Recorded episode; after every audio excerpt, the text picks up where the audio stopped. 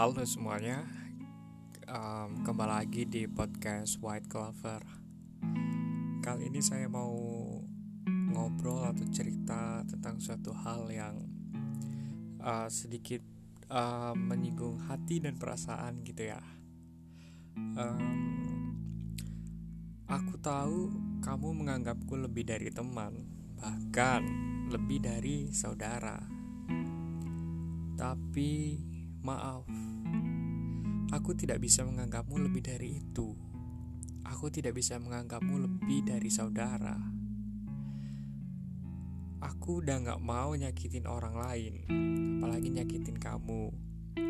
Aku tahu kamu akan bertanya, apakah ada seseorang di hatiku? Uh, maka akan aku jawab, maaf, tidak ada.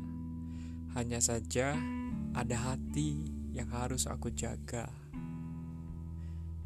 Terima kasih atas pengertiannya. Terima kasih.